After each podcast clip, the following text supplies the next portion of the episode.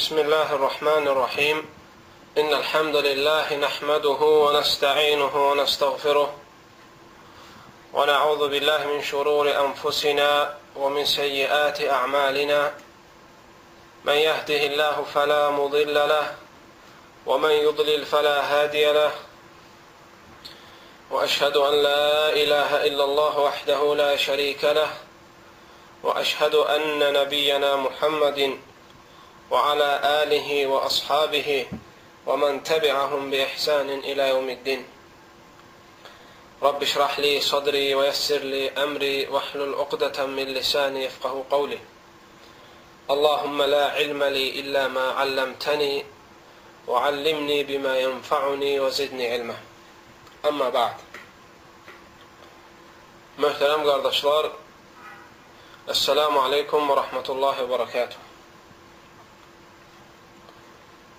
Təbii ki, Allah-u Teala insanları bu dünyaya boşu-boşuna yaratmayıb və bu dünyada nə varsa, Allah-u Teala bu dünyada nə yaradıbsa, hamısı bir hikmətlə, bir səbəb üzrə yaradılıb. Allah-u Teala heç bir şeyi boşu-boşuna yaratmayıb. Heç bir şeyi mənasız yerə yaratmayıb. Heç bir şeyi hikmətsiz yerə yaratmayıb. Biz bu yaradılmış şeylərin yaradılışında hikməti dərk edəsək də, dərk etməsək də. Bizim bir bəşər olaraq, bir Allahın qulu olaraq, bir məxluq olaraq qəti şəkildə etiqad etməmiz lazımdır ki, Allah yaradan hər şeydə hikmət var. Bəşəriyyət və bütün insanlar və bütün inanan və inanmayanlar hamısı bu yaradılışda olan hikməti dərk etsələr də, dərk etməsələr də. Əgər biz Quran-ı kərimə diqqətlə qulaq assaq, Quran-ı kərimin mənalarını axtarsaq və eyni zamanda Peyğəmbər sallallahu aleyhi və səlləmlə sabit olan səhih sünnəyə baxsaq və elm əhlinin o hədislərin, sünnənin şərhində dediklərinə diqqət yetirsək, görərik ki, bir çox Allah Teala yaratdığı şeylərdə və yaxud göndərdiyi şəriətdəki əhkamlarda böyük hikmətlər var. Və bu hikmətlər bəzən Allah Teala özü bəyan edir və yaxud da Peyğəmbər sallallahu əleyhi və səlləm bu hikmətləri bəyan edir. İstərsən bu bəzi yaradılmış şeylərdə olsun, istərsən bəzi şəri əhkamlarda olsun. Önəmlisi olan budur ki, sən inanmalısan ki, hər şeydə hikmət var. Və həmçinin möhtərəm buna misal olaraq sizə deyim, insanın yaradılış məqsədi. Allah-u Teala bunu Quran-ı Kərimdə bir çox ayətdə qeyd edir ki, insanları nəyə görə yaradıb? Və yaxud bəzi yaratdığı məxluqları nəyə görə yaradıb? Və yaxud kitabları nəyə görə nazil edib? Və yaxud peyğəmbərləri nəyə görə e, göndərib? Və s. kimi e, səbəblər. Və yaxud Allah-u Teala nəyə görə tövhidi bəyənir? Nəyə görə insanlardan tövhidi tələb edir? Və Allah-u Teala nəyə görə şirkdən nifrət edir? Və Allah-u Teala nəyə görə şirkdən insanları çəkindirir? Və eləcə də başqa əhkamlarda ibadət məsələlərində möhtərəm qardaşlar. Buna ən açıq misallardan biri Əz-Zəriyyət surəsinin 56-cı ayəsi. Allah-u Teala Quran, bu suranın 56-cı ayəsində buyurur: "Və ma xalaqtul cinnə vel insə illə liya'budun." Mən cinləri və insanları yaratdım ki, tək mənə ibadət etsinlər. Tək məni ibadətdə təkləsinlər. Yəni bütün ibadət növlərini Allaha sərf etsinlər. Allah Teala bu ayədə açıq-aşkar bu qayəni bəyan edir. Və möhtərəm qardaşlar, çox məsələlərə baxsaq, dediyim kimi, açıq-aydın görərik ki, Allah Teala yaratdığı şeylərdə böyük hikmətlər var. Sadəcə bu hikmətləri dərk eləməyin səviyyəsinə baxdıqda insanlar da fərqlidir. Və insanlar da boyları fərqli olduğu kimi, rəngləri fər fərqli olduğu kimi, insanların çəkiləri fərqli olduğu kimi, insanların dərrakəliyi də anlamağı da, hifzinin, zehninin güclülüyü, zəifliyi də fərqlidir. Ona görə bu hikmətləri kimlər Allah talan şəriətini nə qədər çox bilirsə, kimlər Allaha nə qədər yaxındırsa, kimlər nə qədər Allahın sevgisinə naildirsə, o qədər bu hikmətləri onlar daha çox dərk edir.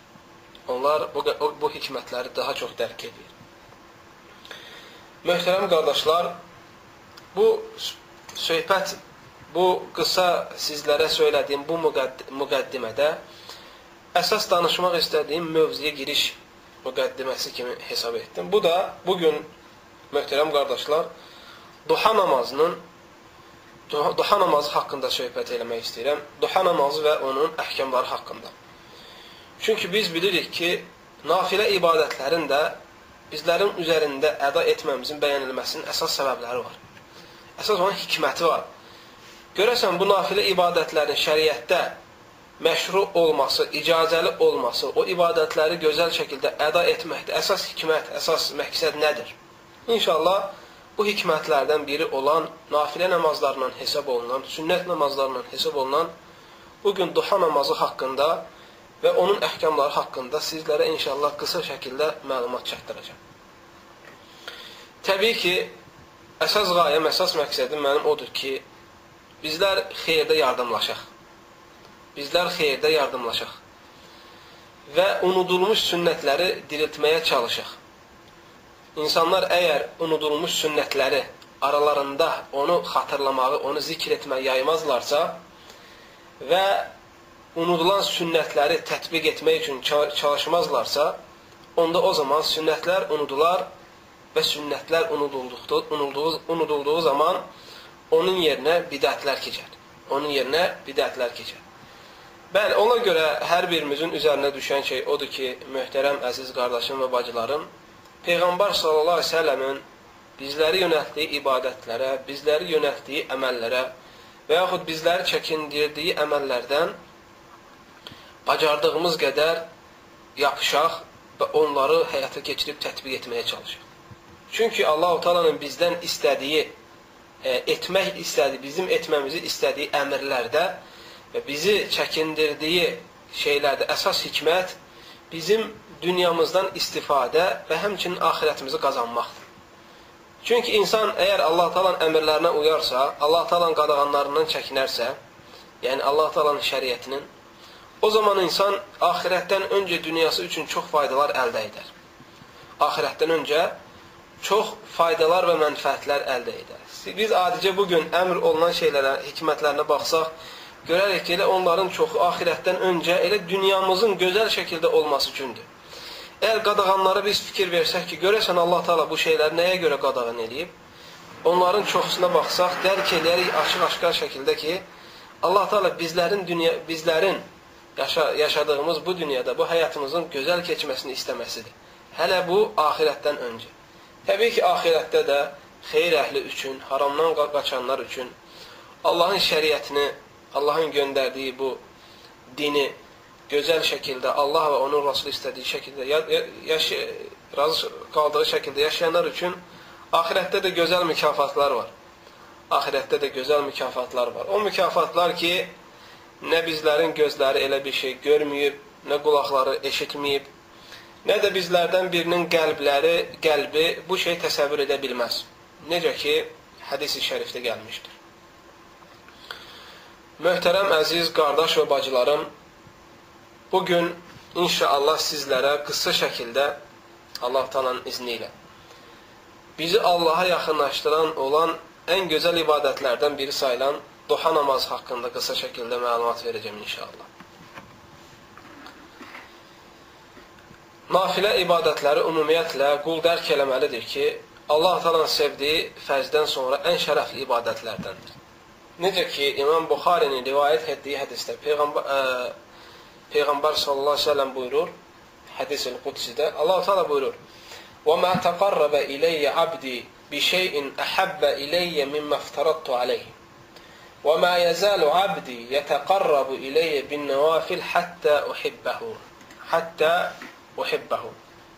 Deməli bu hədisdə möhtərəm qardaşlarım, açıq-aşkar bu hədisdən bəlli olur ki, Allah Taala nafilə ibadətləri çox sevər və insanın nafilə ibadətlərini əda et, nafilə ibadətləri əda etməsi Allah-u Teala'nın sevgisinə nail olmanın əlamətlərindəndir. Necə ki, sizə öncə söylədiyim İmam Buxarinin rivayət etdiyi hədisində gəldi. Allah-u Teala deyir ki, وَمَا تَقَرَّبَ إِلَيَّ عَبْدِي بِشَيْءٍ أَحَبَّ إِلَيَّ مِمَّا افْتَرَدْتُ عَلَيْهِ Qulumun mənə ən sevdiyim e, şeyi əda etməsi ona vacib etdiyim ibadətləri əda etməsidir. Yəni, quldan razı qaldığı ən böyük əməl Allah-u Teala'nın qulun üzərinə düşən vacib ibadətləri, fərz ibadətləri əda etməsidir. Və hədisdə gəlir: "Və mə yəzalu abdi yetəqarrabu ileyyə bin-nawafil hatta uhibbahu."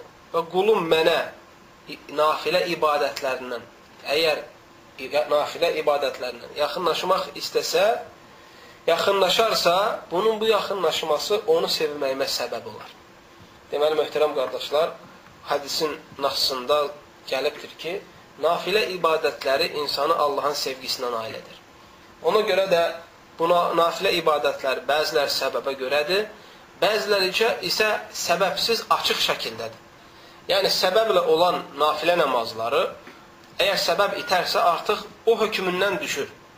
Misal üçün, məscid sünnəti, əgər bir insan məscidə girdikdə məscid sünnəti qılmazsa və bilərəkdən oturarsa və oturmağı uzun müddət çəkərsə, sonra qalxıb o insan məscid sünnətini əda edə bilməz. Çünki bunun o iki rəkət məscid sünnəsinin səbəbi nədir? Məscidə girməsidir. Necə ki, Peyğəmbər sallallahu aleyhi və səlləm səhih hədisdə buyurur ki, İzə dəxalə əhədukumul məscid fələ yəclis həttə yərkə rəkəətin Sizdən biriniz məscidə daxil olduqda iki rəkət nafilə namazı qılmamış oturmasın onu göstərir ki, sən oturmamazdan öncə qılmalısan. Demək, əgər, əgər bir insan məscidə girərsə, xatırlayaraq oturarsa, nafilə namaz, yəni sünnət namazını qılmazsa, məscid sünnətini və bir müddət oturduqdan sonra qalxıb qırmaq istəyərsə, biz deyirik, artıq bu ibadət vaxtı ötdü. Artıq bu ibadətin e, vaxtı ötdü. Ona görə, möhtərəm qardaşlar, e, eyni zamanda başqa qapısı açıq olan ibadətlər də var. Məsələn, insanın gecə namazlarına durması və yaxud namazla namaz araları, əzan və iqamə araları sünnətləri çoxaltması və s. kimi ibadətlər. Ona görə möhtərəm qardaşlar, bu şərəfli ibadətlərin biri də bizi, bizləri Allaha yaxınlaşdırası ibadətlərin biri də duha namazıdır. Bu barədə duha namazının fəzilət haqqında həqiqətən sünnədə çox böyük hədislər var və çox sayda hədislər var. Bunların hamısını sizlərə təbii ki, bu qısa vaxtda xatırlaya bilməyəcək. Ona görə qısa şəkildə e, bəzi hədisləri inşallah sizlərin nəzərinə çatdırım ki, hətta bu gözəl ibadəti, bu əzəmətli ibadəti əda etməyə həvəsimiz, rəğbətimiz olsun. Çünki bir şeyin fəzilətini bilmək o ibadəti gözəl şəkildə əda etməyə səbəb olur. Abu Zer radıyallahu anh'ın hadisinde Peygamber sallallahu aleyhi ve sellem buyurur. Yusbihu ala kulli sulame min ahadikum sadaka. Fekullu tesbihatin sadaka. Ve kullu tehmidetin sadaka. Ve kullu tehliletin sadaka. Ve kullu tekbiratin sadaka. Ve emrun bil ma'rufi sadaka. Ve nehyun anil munkari sadaka. ويجزئ من ذلك ركعتان يركعهما من الضحى Bu uca hədisdə möhtərəm qardaşlar, hansı ki İmam Muslim e, müsafirlərin namazı babında bu hədisi rivayət etmişdir. Peyğəmbər sallallahu əleyhi və səlləm buyurur: Sizdən hamınızın üzərinə düşən şey odur ki, bütün qatlanacaqlarından, bütün sümüklərinin qatlanacağından sədəqə çıxartsın. Yəni bizdə hamımızda sümük qatlanacaqları var. İstərsən barmaqlarda olsun, istərsən qolda olsun, istərsən insan ayağında, qılçasında olsun və yaxud başqa bədən orqanlarında olsun. Deməli, bədənin hərəkəti üçün Allah-u Teala e, bu bədəni e, qatlanacaqlardan ibarət edir. Ona görə möhtərəm qardaşlarım, Allah-u Teala insanın hərəkəti üçün, insan iş görə bilsin deyə, insan üzərinə düşən vacibləri əda etsin deyə, insanın çəkinməsi lazım olan şeylərdə insan çəkinsin deyə, umumən qısa şəkildə insanın hərəkəti üçün Allah Teala insanı bir orqan kimi yaratmayıb. Yəni, başqa yaratdığı bir ağac kimi yaratmayıb, bir daş kimi yaratmayıb və yaxud başqa bir divar kimi yaratmayıb, dağ kimi yaratmayıb. İnsanı Allah Teala bitişəcək sümüklərdən və qatlanacaqlardan yaradıb. Ona görə insan əyilə bilir, qalxa bilir, otura bilir, hərəkət edə bilir və s. kimi lazım olan davranışları əda edə bilir. Və bunların hamısı nemətdir, möhtərəm qardaşlar. Yəni, bir insan əgər bugün dünyaya gəlsə, görsək ki, bir insan əlini yuma bilmir, yumruğunu tuta bilmir, deməli, bu insanda çatışmamazlıq var. bu insanda nöqsan var, naqislik var. Çünki bu insanın qatlanacaqlarının bir neçəsi nə olur? İşləmir. Deməli, bir insanın muvaffaq olması ki, bütün əzaları, e, qatlanacaqları yeri yerində işləsin, bu ən çox nemətlərdən hesab olunur. Və həmçinin möhtərəm qardaşlarım, bu hədisdə gəldiyi kimi Peyğəmbər sallallahu əleyhi və səlləm buyurur: Sizdən birinizin, yəni sizdən bütün insanların hər bir qatlanacağından sədəqə çıxartılması lazımdır.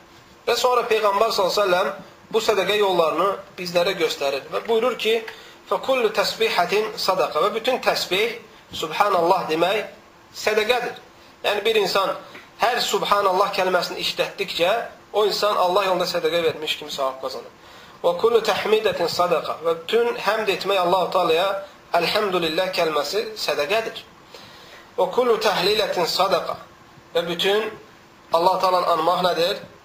Sədəqədir və və kullu təkbiratin sadaqa və Allah Taala'nı böyütmək, Allahu Ekber demək, təkbir gətirmək sadaqadır. Və əmrun bil ma'rufi sadaqa.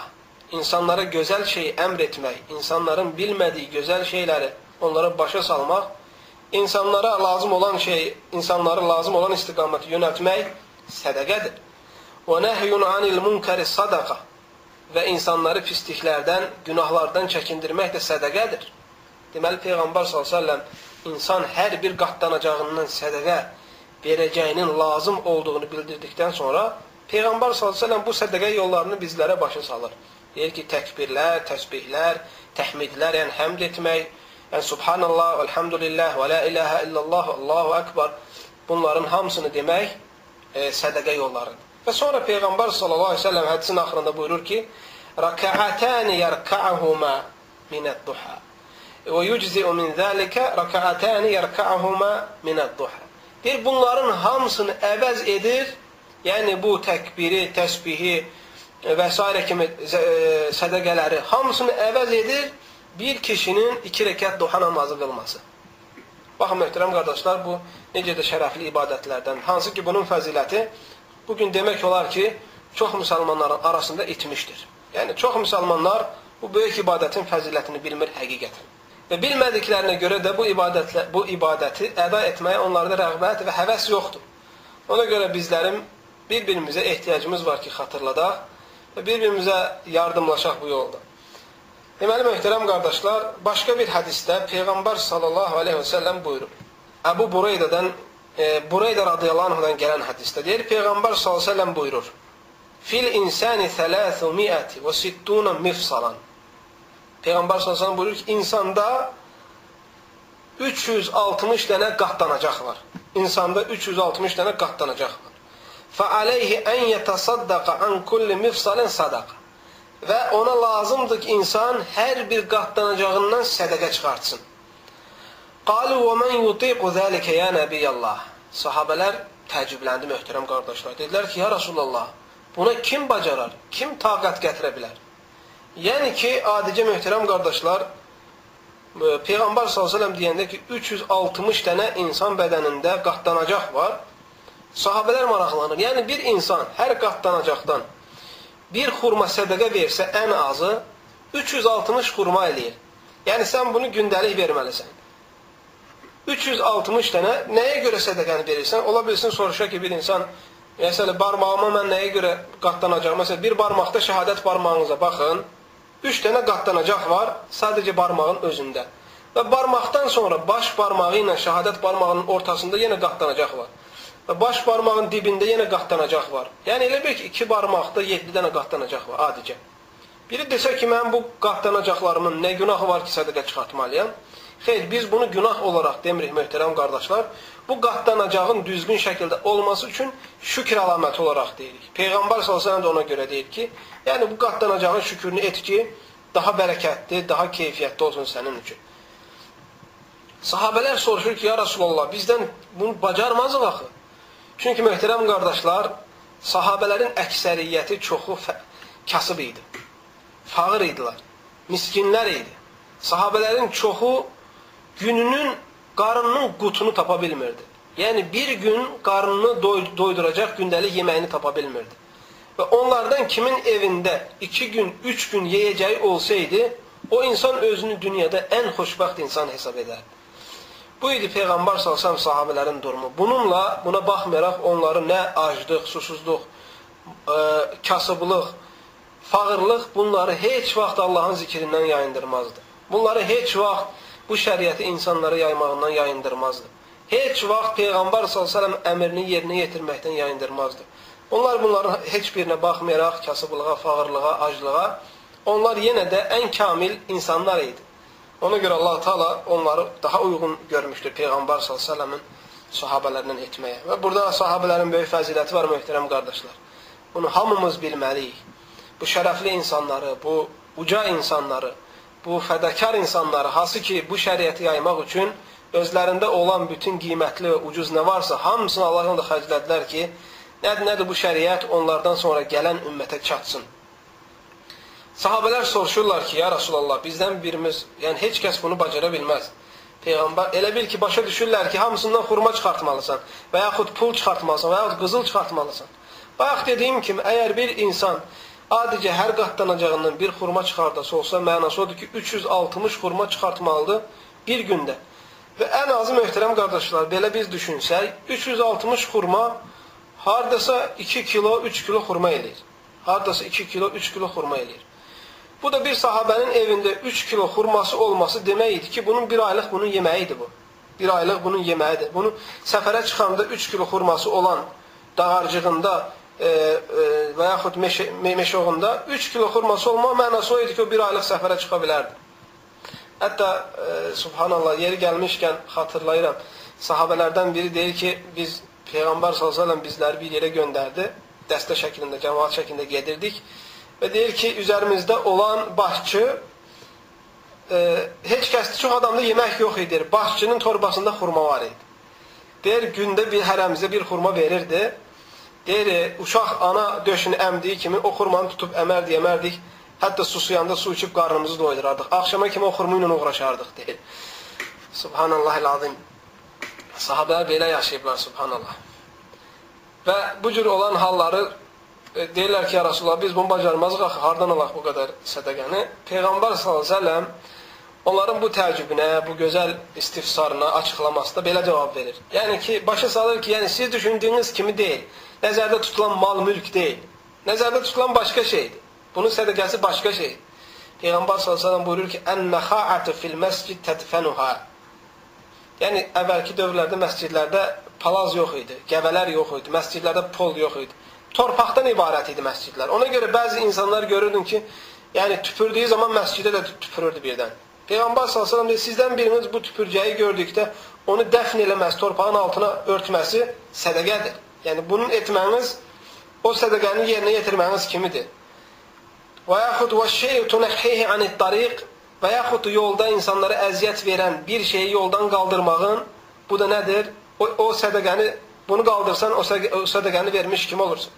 Və burada işarət var möhtərəm qardaşlar. Bax, yolda insanlara əziyyət verən tikan olsa, daş olsa, başqa bir şey olsa, onu aradan qaldırmağın Allah yolunda sədəqədir. O yoldan fə fərqi yoxdur ki, müsəlman keçir, fərqi yoxdur, qeyri-müsəlman keçir.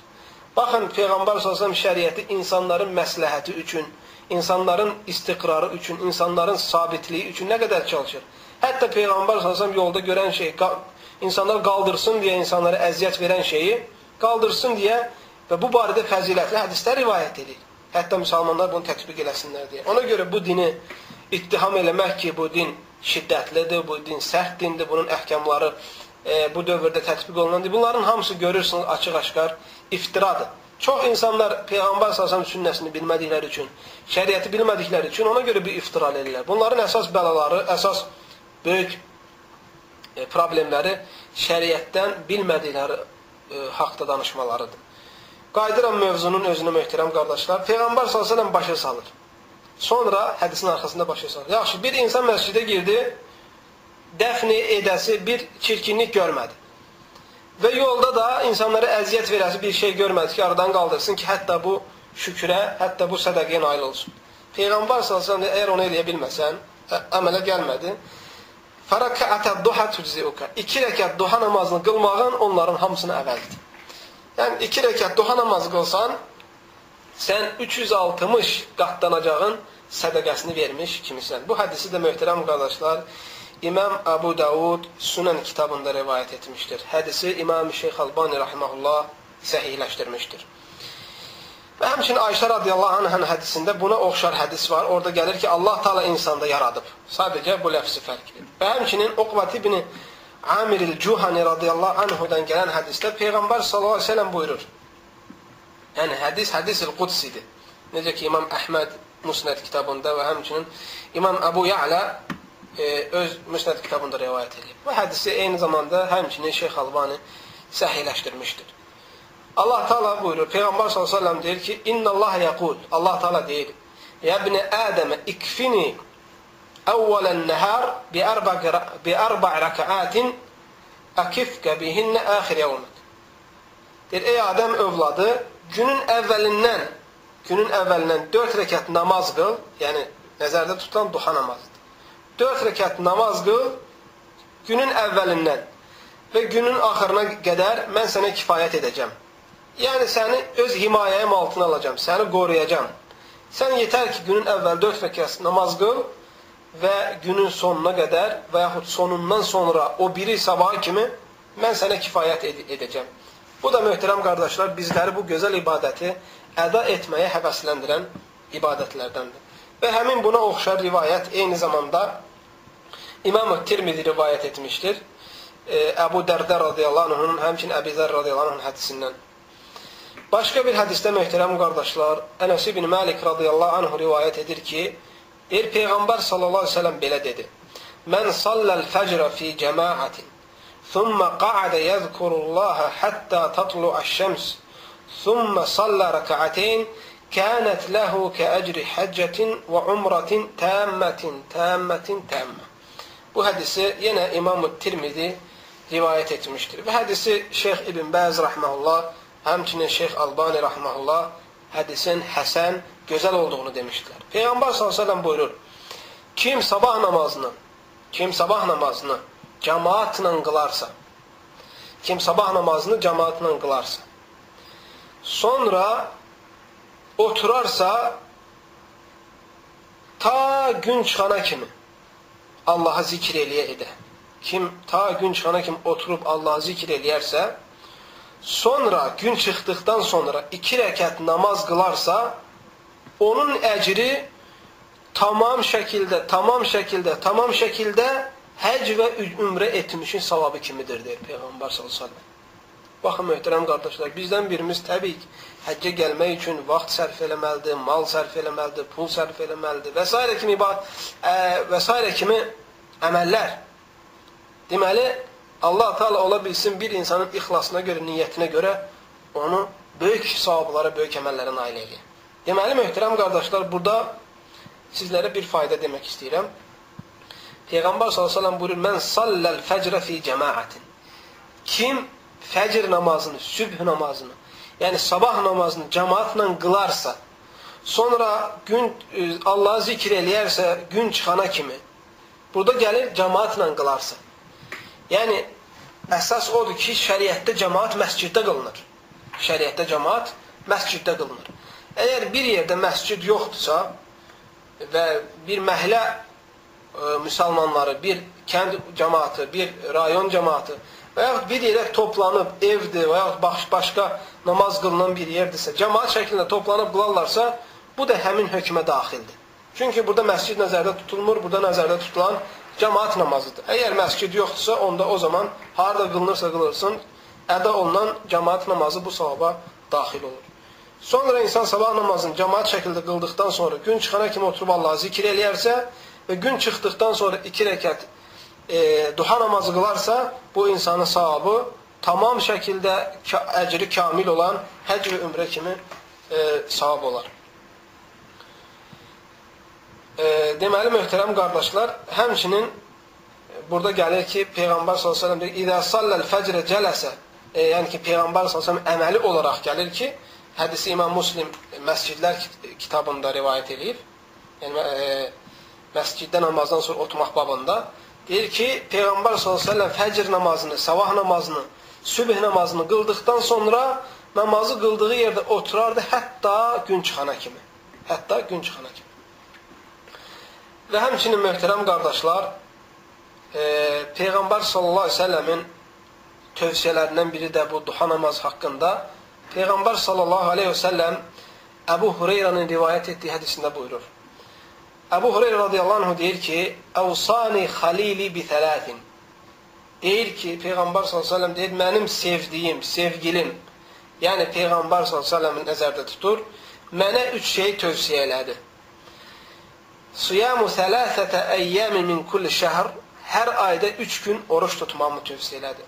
Hər ayda üç gün oruç tutmamı. Təbii ki, bunu keçən e, dərslərimizin birində, hansı ki, istixarə namazı haqqında danışdıq. Orada qeyd elədik ki, bu üç gün arxa-arxaya və yaxud müəyyən günlərdə olması qəsd olunmur.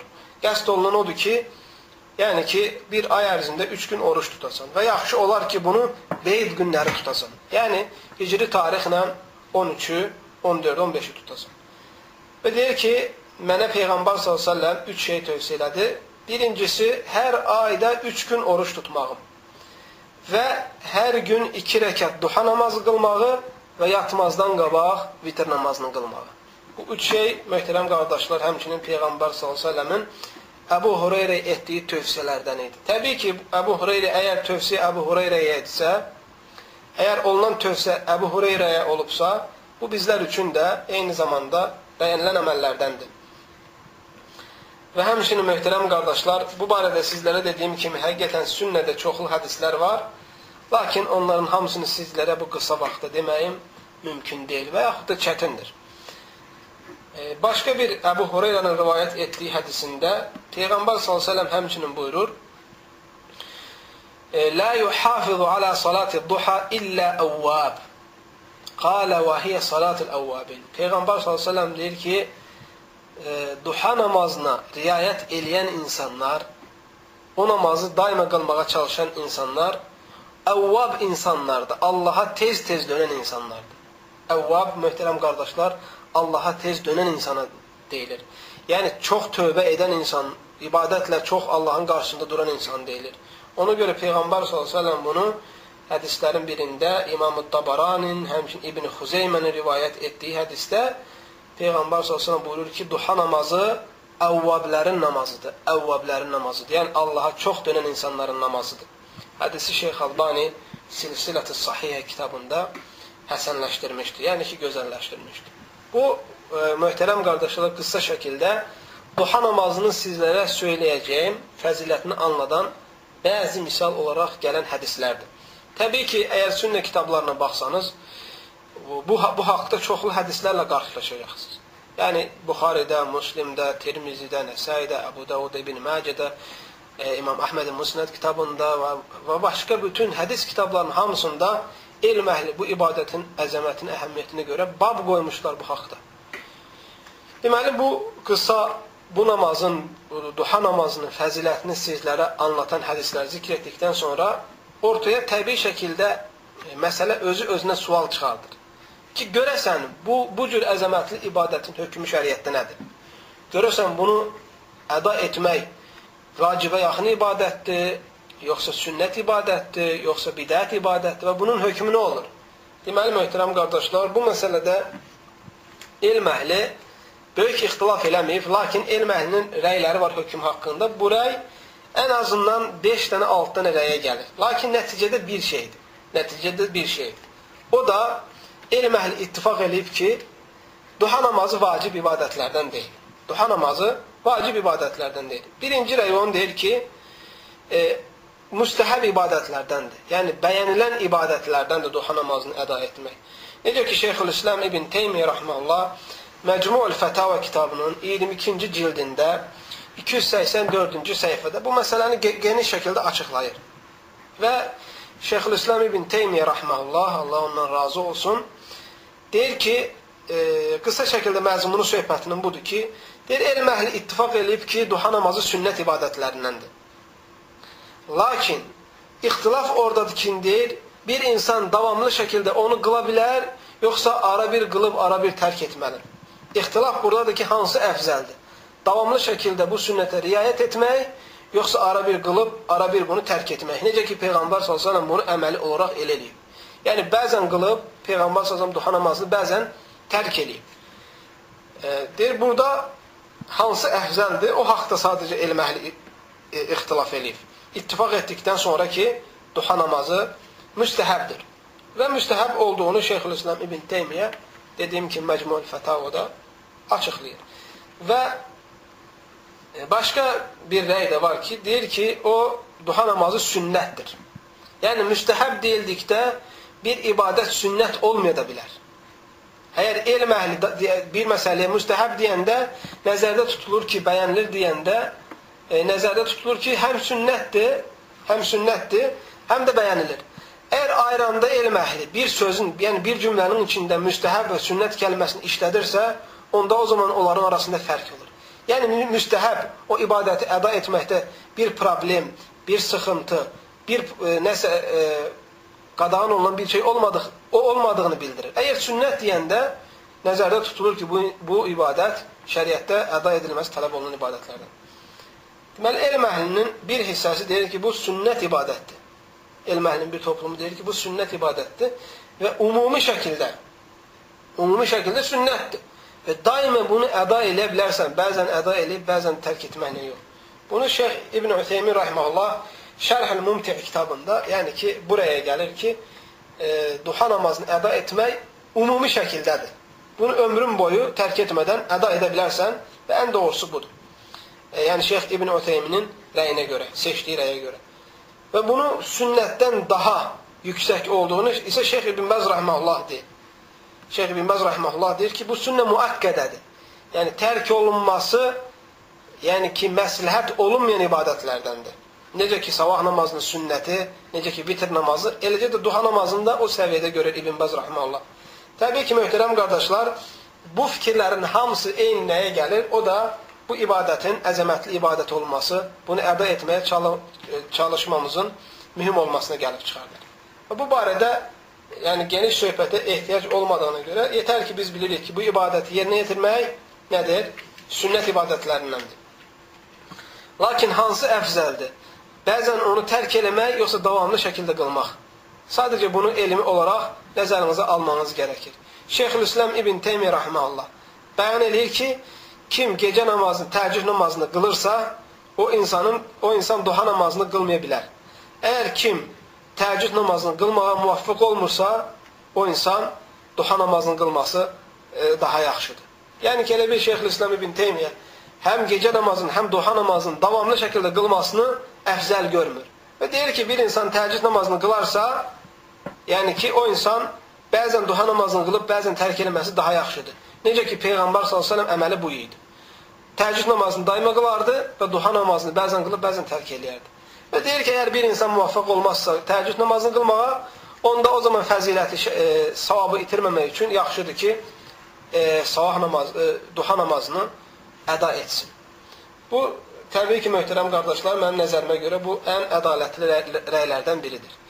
Eyni zamanda, əgər müsəlman təbii ki, davamlı şəkildə qıla bilsə də, inşallah bunda da heç bir problem yoxdur. Gəlir növbəti məsələ möhtərəm qardaşlar. Biz bildik bunun fəzilətini, bildik bunun hökmünü. İndi isə sual çıxa bilər ki, bu duha namazının vaxtı nə vaxtdan başlayır? Duha namazının vaxtı hansı vaxtdan başlayır? Bunu ha vaxt qılmaq olar və s. kimi. Deməli, birinci vaxtı onun günəş bir nizə qədər çıxdıqdan sonra başlayır bir nizə qədər. Yəni nizəni hər kəs bilir. Və yaxud əlindəki ağac. Yəni insan e, insan o qoca kişilər deyək və yaxud başqa insanlar əllərində gəzdirdiyi əsa qədər. Günəş dağın arxasından çıxarsa və yaxud günəş e, çıxdığı yerdən e, çıxarsa bir çomaq miqdarında, bir ağac miqdarında, bir nizə miqdarında həmin o vaxtdan duha namazının vaxtı başlayır. Bu da günümüzdəki metrə ilə ölçsək, belə deyək ki, 1 metr məsafəsində, 1 metr miqdarda. 1 metr miqdarda qalxarsa, o zamandan o zaman duha namazının vaxtı başlayır. Əgər dəqiqə ilə baxsaq, təxminən hardasa 15-20 dəqiqə arası. Yəni günəş çıxmağa başladıqdan 15 dəqiqə, 20 dəqiqə sonra gözləsən, artıq duha namazının vaxtı girmiş olur. Amma vaxtının sonuna gəldikdə isə möhtərəm qardaşlar, ta məhkruh vaxtı olana kimi duha vaxtının, duha namazının vaxtıdır. Məhkruh vaxtı nə vaxtı? Günəş göy salmasının tam ortasına gələn vaxt.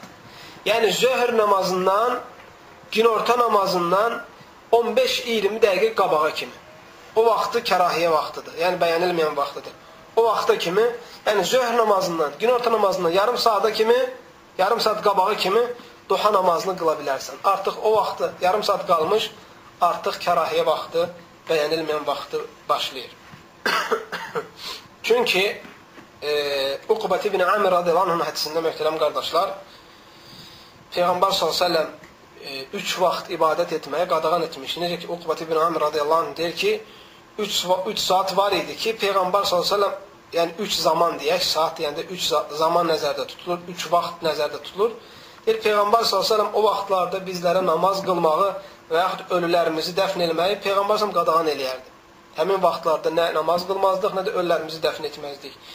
Deyir gün çıxmağa başladıqda ta çıxıb qurtarana kimi günəş tam göy səmasının ortası, orta istiqamətinə gələnə kimi Bir də günəş batmağa başlayanda tam batana kimi. Bu üç vaxtı nə namaz qılmazdıq, nə də o vaxtı ölülərimizi dəfn etməzdik. Bunlara elm əhli kərahiyyə vaxtı deyirlər, bəyənilməyən vaxtı deyirlər. Bu zamanı ona görə çalışıb qılmamalısan. Və başqa bir sual çıxa bilər ki, tutaq ki, sabah gün çıxdıqdan 20 dəqiqə, 15 dəqiqə sonra ta zöhr namazına 20 dəqiqə, yarım saat qalana kimi duha namazının vaxtıdır. Hardasa fərz elə ki, saat 7-dən saat 12-yə kimi. Burada hardasa 5 saat vaxt var. Görəsən bu 5 saatın içində ən fəzilətli vaxtı hansıdır? Bu da sual çıxa bilər. İlk vaxtından qulaq, orta vaxtından mı, son vaxtından? Elm əhli deyir ki, bunun ən fəzilətli vaxtı günəşin ən isti olan vaxtıdır. Yəni son vaxtlarına yaxın. Son vaxtlarına yaxın qılınan duha namazı ən fəzilətli vaxtıdır. Lakin kim ilk dəqiqələrində qılarsa, O, onda da heç bir problem yoxdur, əlhəmdülillah. O da bu böyük ibadəti əda etmiş olur. Kim ortasında, orta vaxtda qılarsa, o da gözəl şəkildə əda etmiş olur. Lakin ən əfzəl vaxtına gəldikdə, Peyğəmbər s.ə.v necə ki buyurur, deyir ki, Allaha dönənlərin, tövbəkarların namazı günəş istisi artan vaxt olur. Günəşin istisinin artan vaxt olur. O da zöhr namazına ən yaxın vaxtlar. Bu da bunun ən fəzilətli vaxtına gəldikdəyiz. İndi isə möhtərəm qardaşlar, eyni zamanda bildik fəzilətini, bildik hökmünü, bildik vaxtını. İndi isə sual çıxa bilər ki, neçə rəkətdir bu? Biz onu neçə rəkət qıla bilərik? Deməli, rəkətlərə gəldikdə isə ən azı iki rəkətdir. Təbii ki, bir rəkət qıla bilməzsən duha namazı. Bir rəkət ancaq vitr namazına aiddir. Ancaq vitr namazına aiddir. Ən azı iki rəkətdir. Necə ki, Əbu Zər radiyallahu anh hədisində ilk öncə dediyimiz hədisdə Peyğəmbər s.ə.v o deyir ki, e, yəni təkbir təsbihdir və subhanallah təsbihdir, la ilə illallah təsbih. Axırda deyir ki, iki rəkət qılmağın onların hamısını əvəzdir. Bu hədis dəlildir ki, yəni ki, ən azı iki rəkətdir duha namazı. Əgər kim dörd rəkət qılmaq istəsə, o da var sünnədə. Necə ki, hədisdə zikr etdik, Allah-u Teala hədisi qudusda deyir ki, ey adam övladı, günün əvvəlindən mənə dörd rəkət namaz qıl, günün, günün axırı mən sənə kifayət edəcəm. Bu da dəlildir ki, yəni sən 4 rəkət də qıla bilərsən. Və həmçinin sən 6 rəkət də qıla bilərsən. Duha namazını 6 rəkət də qıla bilərsən və buna da dəlil var. Buna da Ənəs ibn Məlik radiyallahu anh hədisində gəlir. İmam Tirmizinin rivayət etdiyi hədisdə Peyğəmbər s.ə.v deyir ki, Ənəs ibn Məlik deyir, Peyğəmbər s.ə.v duha namazını 6 rəkət qılardı. Duha namazını 6 rəkət qılardı. Və həmçinin möhtərəm qardaşlar sünnədə gəlmişdir. Peyğəmbər s.ə.v 8 rəkət qılardı. Necə ki, Məkkəni fəth eləyəndə Məkkəni fəth eləyəndə Peyğəmbər s.ə.v Ummu Hənin evinə gedir, qusl eləyir, kimir, təmizlənir, dəstəmaz alır və orada 8 rəkət təciz namazı qılır. 8 rəkət təciz namazı qılır. Umumən sual çıxa bilər ki, e, sünnədə deməli 2 rəkət, 4 rəkət, 6 rəkət, 8 rəkət gəlibdir. Yəni insan görəsən, sor soruşa bilərsən ki, görəsən e, çox həddi var, yəni duha namazın çox həddi var. Yəni 8-dən artıq 10 12 qıla bilərsən. Bu barədə Şeyx İbn Üseymin rahmehullah deyir ki, e, bunun çoxluğunun həddi yoxdur. Çoxluğunun həddi yoxdur. Sadəcə peyğəmbər sallallahu feili o zaman-zaman içində imkan daxilində nə olubsa onu qılıb. Bəzən 4 qılıb, bəzən 6 qılıb, bəzən də 8 qılıb. Bu onu göstərir ki, sən ixtiyar sahibisən, çox da qıla bilərsən, az da qıla bilərsən. E, Şeyx İbn Öteymin deyir ki, buna dəlil Peyğəmbər s.ə.v Ayşə radiyallahu anh hədisi ki, deyir Peyğəmbər s.ə.v duha namazını 4 rəkat qılardı və Allah istəyən qədər artırardı. Allah istəyən qədər artırardı kəlməsi deməli, hədd, çoxluğunun həddi yoxdur. Və başqa bir rivayətdə gəlir ki, istədiyi qədər artırardı. İstədiyi qədər artırardı. Deməli, Şeyx İbn Öteymin bu hədis dəlil gətirir ki, onun namazın çox çoxluğuna gəldikdə onun həddi yoxdur. İnsan fərz eləyək ki, gün çıxdıqdan sonra, günəş çıxdıqdan sonra, günəş çıxdıqdan yarım saat sonra duha namazını ta zöhr namazına yaxına kimi qılsa, bu arada etdiyi bütün ibadətlərin hamısı duha namazı sayılır. Sonra möhtərəm qardaşlar, gəlir ki, məsələ ola bilsin ki, yəni bəziləriniz bunu oxumuşsunuz. Yəni bu biraz problemli məsələlər kimidir bəzi insanların rəyində, amma elhamdülillah məsələdə problem yoxdur. Onu da işraq namazı ilə duha namazı eyni şeydir. Çünki bəzi hədislərdə işraq gəlir. Bəzi namazlarda işraq gəlir. Ona görə bəzi qardaşlar həqiqətən bunu soruşublar. Baxmışam ki, bəzi yerlərdə bunu qardaşların ilə özləri qatışdırıblar. Bəziləri xata cavab veriblər. Lakin bunu qatışdırmamaq üçün sizə qısa şəkildə deyirəm ki, əslində e, işraq namazı duha namazının ilk əvvəlində qılınan namaza deyilir. O yəni ki, duha namazının özüdür. Sadəcə o namazın ilk vaxtı, ilk əvvəl duhanın, ilk əvvəl vaxtı qılınanda o namaza həm duha namaz deyilir, həm işraq namaz deyilir. Əgər ilk vaxtında qılmayıb, ortada son vaxtında qılınsa, onda o namaza işraq vaxtı deyilmir, sadəcə duha namazı e, deyilir. Çünki işraq sözü günəş doğum deməkdir. Günəşin doğması. Günəşin doğması. Və bununla əlhamdülillah başa düşülür ki, kim gün, ilk vaxtında qılarsa, artıq o həm işraqı qılmış olur, həm də duha namazını qılmış olur. Əgər kim o vaxtdan sonra e, qılarsa, ilk vaxtından 1 saat, 2 saat sonra qılarsa, o insan sadəcə deyirik ki, duha namazını əda etmiş olur. Sonra möhtərəm qardaşlar, e, sual çıxa bilər ki, yəni evdə qılmaq lazımdır, yoxsa məsciddə qılmaq lazımdır. Ümumiyyətlə, əlhamdülillah, e, qapı açıqdır, məsələ geniş məsələdir, kiçik, yəni ki, dar məsələlərdən deyil. Sən ixtiyar sahibisən, e, əgər məsciddə namaz qıldınsa və şərait varsa ki, günəş doğana ki, məsciddə oturub Allahı zikr eləsən, bu ən əfzəl vaxtıdır. Peyğəmbər s.ə.v bu şəkildə eləyərdi. Sonra günəş doğduqdan sonra qalxıb Allah səni yazdığı qədər qılırsan, əlhamdülillah bu ən böyük, ən böyük, ən yüksək mərtəbəsi budur. Əgər sən çıxası oldun, gedəsi oldun başqa iş, iş dalı ilə və ya başqa yerə, evə, başqa ehtiyaclarını ödəməyə, onda o zaman harada sənin üçün rahatdırsa orada əda elə bilərsən. Əgər iş yerində, yəni ki, bunu əda etməklə işin pozulmursa, iş, işdə, yəni sənə tapşırılan iş geri qalmırsa, iş yerində də əda elə bilərsən. Əgər iş yerində sənə tapşırılan işi əda etməyə mani olsa, onda zaman qılmırsan. Başqa yerlərdə də eyni zaman, əlhamdülillah, bu ibadəti əda edə bilərsən. E, eyni zamanda xatırlayıram ki, yəqin ki, möhtərəm qardaşlar, sizlərdə bəzi suallar da əmələ gəlir ki, duha namazını insan 2-2 rəkat qılmalıdır. Yəni, hər 2 rəkatdan bir salam verməlidir. Yoxsa 4 rəkatı birdən qıla bilər. Bu da eyni zamanda ümumi sünnət ibadətlərinin olduğuna görə bəzi elm əhli deyir ki, əsl odur ki, iki, iki, iki rəkat qılır və hər ikisində salam verir. Çünki Peyğəmbər s.ə.v buyurur ki, salatul leyli və nəhər mətnə mətnə. Gecə və gündüz namazları iki-iki rəkətdir. Yəni, burada qəst olunan nədir? Qəst olunan sünnət namazlarıdır. Peyğəmbər ona görə deyir ki, iki rəkat qılmağı daha əfzəldir. Və bəzi elm əhli deyir ki, bunu dörd rəkat da qıla bilər. Necə ki, hədis-ül qudsidə gəlmişdir ki, Allah Teala deyir ki, əgər qulum günün əvvəli mənim üçün 4 rəkat qılarsa, günün axırı mən ona kifayət edərəm. E, bu da onu göstərir ki, 4 rəkatı birdən qıla bilərsən. Lakin bir şərtlə fərz namazına gərək oxşatmayasan. Fərz namazına gərək oxşatmayasan. Çünki hədis var, Peyğəmbər s.ə.v deyir ki, nafilə ibadətlərini fərz ibadətlərinə oxşatmayın. Ona görə burada bir fayda var, o da e, vitr namazı ilə ilgili. Hənəfi məzhəbində görürsünüz ki, Yəni eyni məğrib namazı kimi qılırlar, eyni axşam namazı kimi qılırlar vitr namazını. 2 rəkat qılırlar, sonra qalxıb 3-cü rəkat qılırlar. Bu axşam namazını oxşatmaqdır.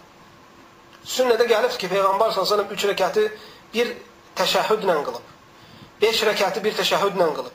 Peyğəmbər sallallahu əleyhi Və eyni zamanda 4 rəkətə gəldikdə isə insan 4 rəkəti qılır arxa-arxaya, sadəcə 4-cü rəkətdə təşəhhüd oxuyur və salam verir. Nəzərdə tutulan budur. Sonra qaldı möhtərəm qardaşlar, əgər bir insan yağış namazı qılsa, yəni istisqa namazı qılsa və yaxud bayram namazları qılsa, görəsən bu ibadət yəni duha namazını əvəz eləyir, yoxsa əvəz eləmir.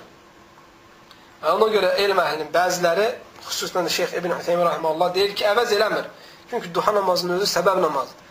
Ona görə bayram namazından sonra və yaxud istisqa namazından sonra əgər duha namazı qılmaq istəsən, qılmalısan Allahdan izni ilə.